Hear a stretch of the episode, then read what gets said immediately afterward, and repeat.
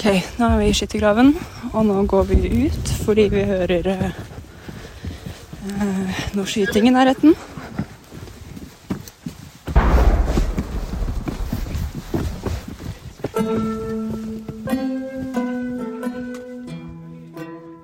Advarslene har kommet i lang tid.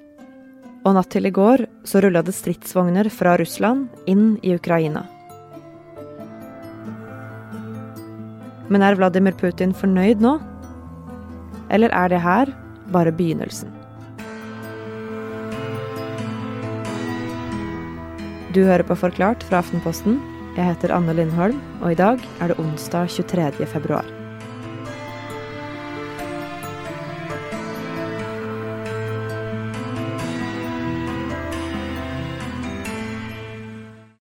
Lørdag morgen så tok vi fly fra Kiev til eh, Kramatorsk, som ligger øst i Ukraina, sammen med den ukrainske innenriksministeren. Gina Grieg Risnes er i Ukraina som utenriksjournalist her i Aftenposten. Og det hun var med på i helga, skulle egentlig være en ganske rolig og regissert tur til fronten mot Russland. Man kan ikke kjøre helt opp til en skyttergrav, eh, så vi måtte gå ut av bilen og så gå ned dit, som var en ja, fem minutters tur cirka. Eh, hvor det var sånn fareskilt for, eh, for, miner på det ene. Men akkurat da så var det helt stille og rolig der, så vi gikk ned dit eh, til skyttergraven som så ut som en slags sånn gjørmehytte, siden de graver dette ut av, av gjørmen. Den er større på innsiden enn det ser ut på, på utsiden, siden de har jo gravd en del korridorer i denne, i denne. Så vi gikk helt innerst, hvor de hadde et mørkt rom, altså et helt bekmørkt rom. Eh, men det var to lyskilder der inne. Den ene kom fra en TV-skjerm, hvor de hadde overvåkningsbilder fra sine ukrainske militære posisjoner, så de kunne filme det hvis de skulle bli truffet. Og det andre lyset kom fra et bitte lite vindu som, som pekte ut mot fronten ved dette vinduet så sto det en soldat eh, på vakt.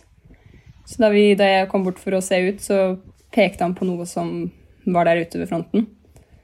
Men nøyaktig hva det var han ville at jeg skulle se på, det rakk jeg ikke se før vi hørte et ganske kraftig bom. Først var ikke vi eh, Eller først var det ikke helt åpenbart hva det var, men så hørte vi et bom til, og da ble det fort veldig tydelig at dette var granattrefninger. Eh, da skjønte vi at vi var midt oppi noe som ikke var helt trygt. Så soldatene ba oss om å komme oss ut. Yeah, we get out. Lima, Lima. Ok, nå er vi i skyttergraven, og nå går vi ut fordi vi hører uh, noe skyting i nærheten.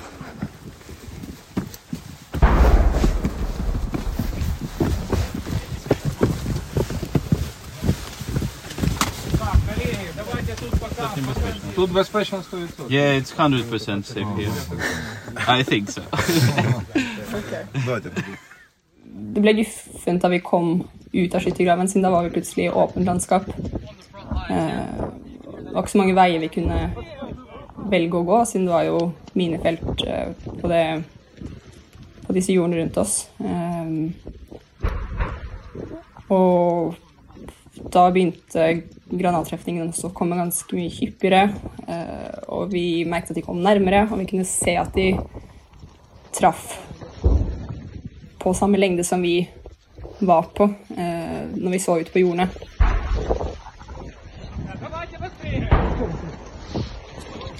Det var granattrefninger da på eh, både til høyre og venstre for oss. Vi måtte bare gå og slash løpe slash jogge til bilen. Som da var en ca. fem minutters tur unna. Åssen var det å sette seg inn i bilen? Det kjentes fint, egentlig. Eh, det var ja, fint å vite at vi var på vei vekk.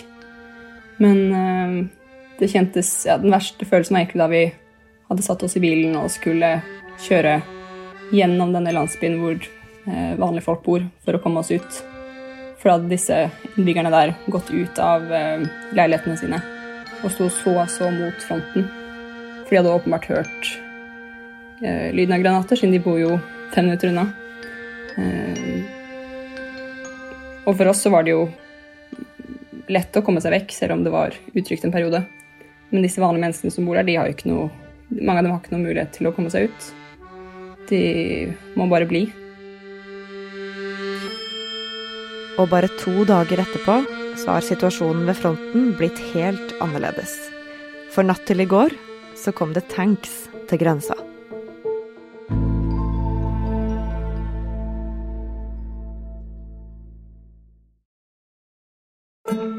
Ukrainerne våkna til at det sto tanks i Øst-Ukraina i går. Russlands president sa mandag at han eh, nå ville sende inn fredsbevarende styrker til Øst-Ukraina. Hanne Christiansen er utenrikskorrespondent for Aftenposten. Og det med fredsbevarende styrker, det er ikke Vesten og heller ikke FN enig i.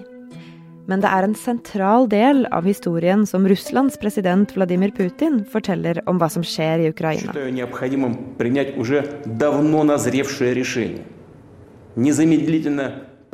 Putins fortelling om denne krigen eh, den handler om at Russland er eh, offer for, eh, for, vestlig aggresjon, og at det er Ukraina som er den aggressive parten. At Vesten bruker Ukraina som et springbrett for å rykke nærmere Russlands grenser, og med mål om å svekke Russland.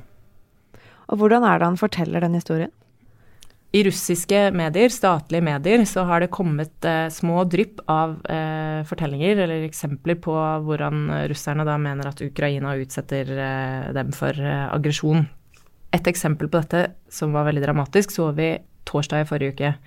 Da meldte russiske medier at uh, en barnehage i eh, nord for, nordøst for byen Luhansk i Øst-Ukraina uh, var blitt bombet. Og det kom fryktelig dramatiske bilder av et lekerom som hadde fått den ene veggen nesten helt knust.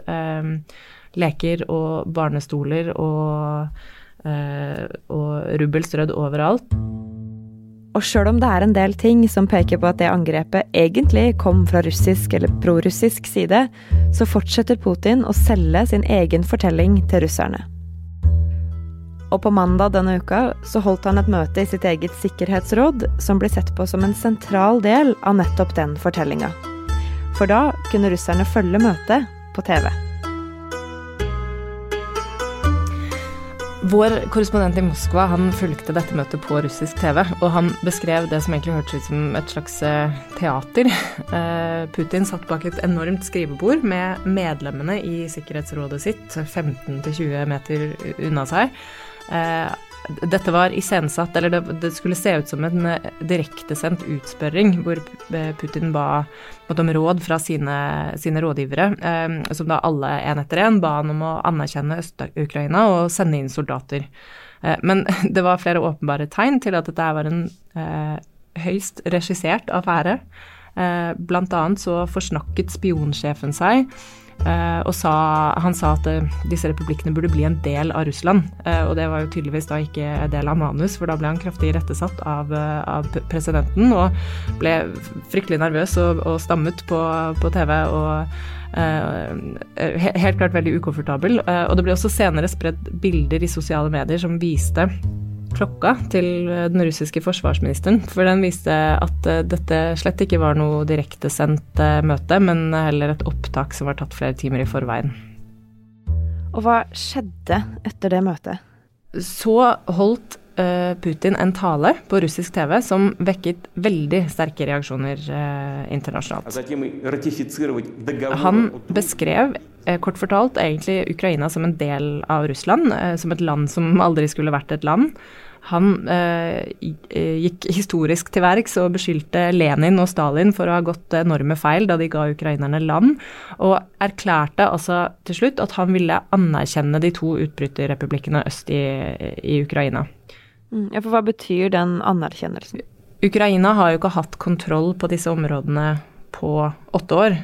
Men det at Putin sånn formelt sett sier dette, det gir jo han, i hvert fall internt i Russland, et påskudd, det påskuddet han trenger for å sende styrker inn, som vi så at han gjorde kort tid etter. Altså i hans ord, da, for å beskytte de russisktalende innbyggerne i disse regionene. Og alt det her gjør det jo veldig tydelig at dette først og fremst er en informasjonskrig. Ja, hvordan da? Jo, eh, dette har man jo snakket om i flere uker nå. At, eh, at dette i veldig mye større grad også enn en forrige gang, altså i 2014, er en informasjonskrig. Mistilliten er ekstremt høy på begge sider, eh, og det er veldig få som tror på, på Putins versjon av, av, det som skjer nå. Mm. Ja, for det er jo flere versjoner her. Hva forteller USA? USA mener på sin side at dette handler om eh, det stikk motsatte, nemlig russisk aggresjon og Putins eh, mål om å, om å utvide Russlands grenser. Og så er det jo én viktig spiller til her, for mye av det her, i hvert fall fra Russlands side, handler jo om at de ikke vil at Ukraina skal bli medlem i forsvarsalliansen Nato. Men hva er det Nato forteller om hvordan konflikten ser ut? Natos fortelling her ligner jo eh, i stor grad på den amerikanske versjonen igjen, nemlig at, dette, eh, at Putins versjon er eh, oppspinn. De er også tydelige på at den aggresjonen man ser nå, vil få konsekvenser eh, også fra, fra Nato-land. Continue to call on Russia to de-escalate, to withdraw forces and to engage hvordan påvirker alle de her forskjellige versjonene den konflikten de er i? Det har gjort informasjonsbildet veldig uoversiktlig. Det er veldig mange motstridende signaler hele tiden. Mandagen f.eks. startet med eh, tilsynelatende positive nyheter om eh, at det fortsatt var mulig å få til eh, et diplomatisk toppmøte mellom da, USAs president og Russlands president. Og så tok det ikke mange timene før man fikk nyheten om at eh, Russland nå kom til å anerkjenne Øst-Ukraina. Så et veldig motstridende informasjonsbilde. Og eh, en av de tingene man har sett som et resultat av det, er at USA bl.a. har vært veldig aggressive på eh, dette med å dele den informasjonen de har, den etterretningen de har, eh, fordi at de ønsker å komme Russland i forkjøpet eh, og avsløre Putins bløff før han får sjansen til å bruke eh, falsk informasjon som et påskudd for å invadere Ukraina. Har det fungert?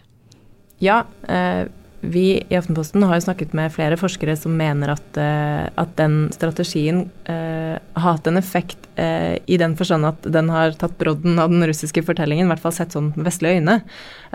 men spørsmålet er om det egentlig har så mye å si for, for Putin og for russerne.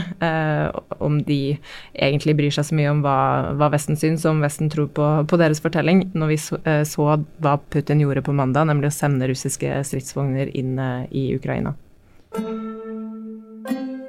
Og som venta så har både USA, Nato, Norge og de fleste i resten av Vesten fordømt det Russland holder på med. FN kaller det latterlig at det skal være sånn at Russland har sendt fredsbevarende styrker, og fra flere land så venter det nå sanksjoner mot Putin. We will immediately institute package of economic Calling sanctions. the move a blatant violation of international law. The United States and Britain have threatened Russia with immediate sanctions. Norge vil slutte seg til de reaksjonene som EU-landene kommer fram til i løpet av ettermiddagen. Det som blir eh, spørsmålet videre, er om Putin gir seg her. Eh, om dette var noe han eh, følte at han måtte gjøre for å ikke tape ansikt overfor eh, sitt eget folk, og altså internt i Moskva. Eh, eller om han kommer til å fortsette å bruke denne fortellingen som et påskudd for å trenge enda dypere inn i, i Ukraina og og erobre nye landområder. Og da er vi over i en helt annen situasjon som også for Nato vil, eh, helt sikkert vil tolkes som veldig, veldig mye mer eh, aggressivt. Hva tror ekspertene da? Kommer vi dit? Mitt inntrykk er foreløpig at det er litt delt. Eh, jeg har snakket med forskere som tror og håper at dette ender her. Men samtidig så har man jo sett før, og senest også nå på mandag, at eh, Putin kan overraske. Og vi har jo også sett eh, eksempler tidligere på at eh, Putin han, han, evner å være kreativ. Så det, akkurat nå så er det et veldig åpent spørsmål.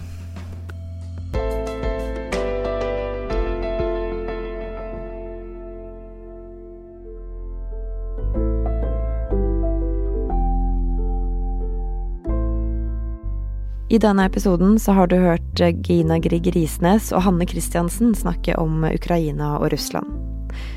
Det er Jenny Førland og jeg, Anne Lindholm, som har laga episoden. Resten av Forklart er Anders Weberg, Fride Nesten Onsdag, David Vekoni, Marte Spørkland, Ulla Kristine Rafaelsen og Synne Søhol. Du hørte lyd fra CNBC, fra NRK, fra VGTV og fra nyhetsbyrået AP.